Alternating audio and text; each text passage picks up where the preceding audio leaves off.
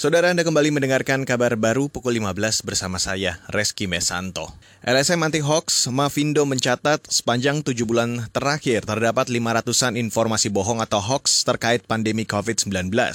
Ketua Presidium Mavindo Septiaji Eko Nugroho mengatakan, informasi bohong itu sangat berdampak buruk karena mengganggu penanganan COVID-19 di Indonesia. Septiaji Eko Nugroho meminta pemerintah, terutama penegak hukum serius menangkal hoax agar tidak berdampak semakin membahayakan masyarakat bervariasi ya. Ada hoax yang terkait dengan isu pencegahan dan pengobatan. Nah, ini juga termasuk yang kemarin video yang sempat rame ya di salah satu kanalnya seorang artis itu terkait dengan isu bahwa suatu ramuan itu bisa mengobati COVID-19 ya, padahal belum jelas uh, buktinya gitu. Nah, ini yang paling banyak memang terkait dengan isu pencegahan dan pengobatan. Ketua Presidium LSM Anti Hoax Mavindo Septiaji Eko Nugroho menambahkan, isu hoax yang juga cukup banyak adalah soal vaksin yang dikhawatirkan bisa membuat masyarakat menolak kehadiran vaksin COVID-19.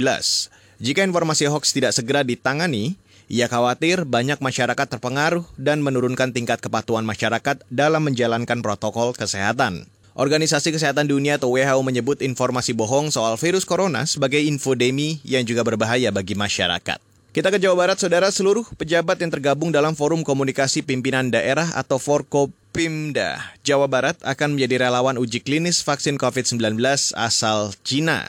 Gubernur Jawa Barat Ridwan Kamil menyatakan kebijakan itu ditegaskan karena jumlah relawan uji klinis vaksin itu masih belum memenuhi kuota, yaitu 1.620 orang.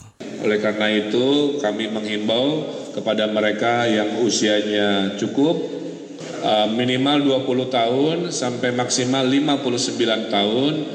Nah, kami pimpinan sedang merumuskan uh, jika tidak ada halangan dari unsur kesehatan pribadi, maka Forkominda pun akan menjadi relawan untuk pengetesan vaksin. Gubernur Jawa Barat Ridwan Kamil menambahkan, Hingga saat ini jumlah warga yang terdaftar sebagai relawan uji klinis vaksin COVID-19 baru mencapai 500-an orang. Ridwan berharap partisipasi aktif masyarakat untuk menjadi relawan uji klinis vaksin COVID-19. Uji klinis tahap ketiga vaksin buatan Sinovac Biotech asal Cina akan berlangsung sampai akhir tahun nanti. Kita ke mancanegara, saudara, penyebaran wabah COVID-19 di Vietnam semakin mengkhawatirkan. Penyebaran yang bermula dari pusat kota Danang, Vietnam, kini mengancam sejumlah pabrik. Empat kasus positif COVID-19 sudah dilaporkan dari satu pabrik yang berlokasi di pusat industri. Media di Vietnam, Laudong memberitakan, satu dari empat pabrik di Danang kini berhenti beroperasi sementara karena ada karyawan yang terinfeksi virus corona. Kementerian Kesehatan Vietnam menyatakan belum memasukkan jumlah kasus positif COVID-19 di Danang pada klaster pabrik. Saat ini jumlah kasus positif COVID-19 di Vietnam mencapai 600-an orang. Vietnam baru melakukan 52 ribu tes spesimen COVID-19 sejak wabah virus corona mulai pertama kali ditemukan sepekan lalu. Sedikitnya, warga di 10 kota sudah terinfeksi termasuk di Hanoi dan Ho Chi Minh. Demikian kabar baru KBR saya Reski Mesanto.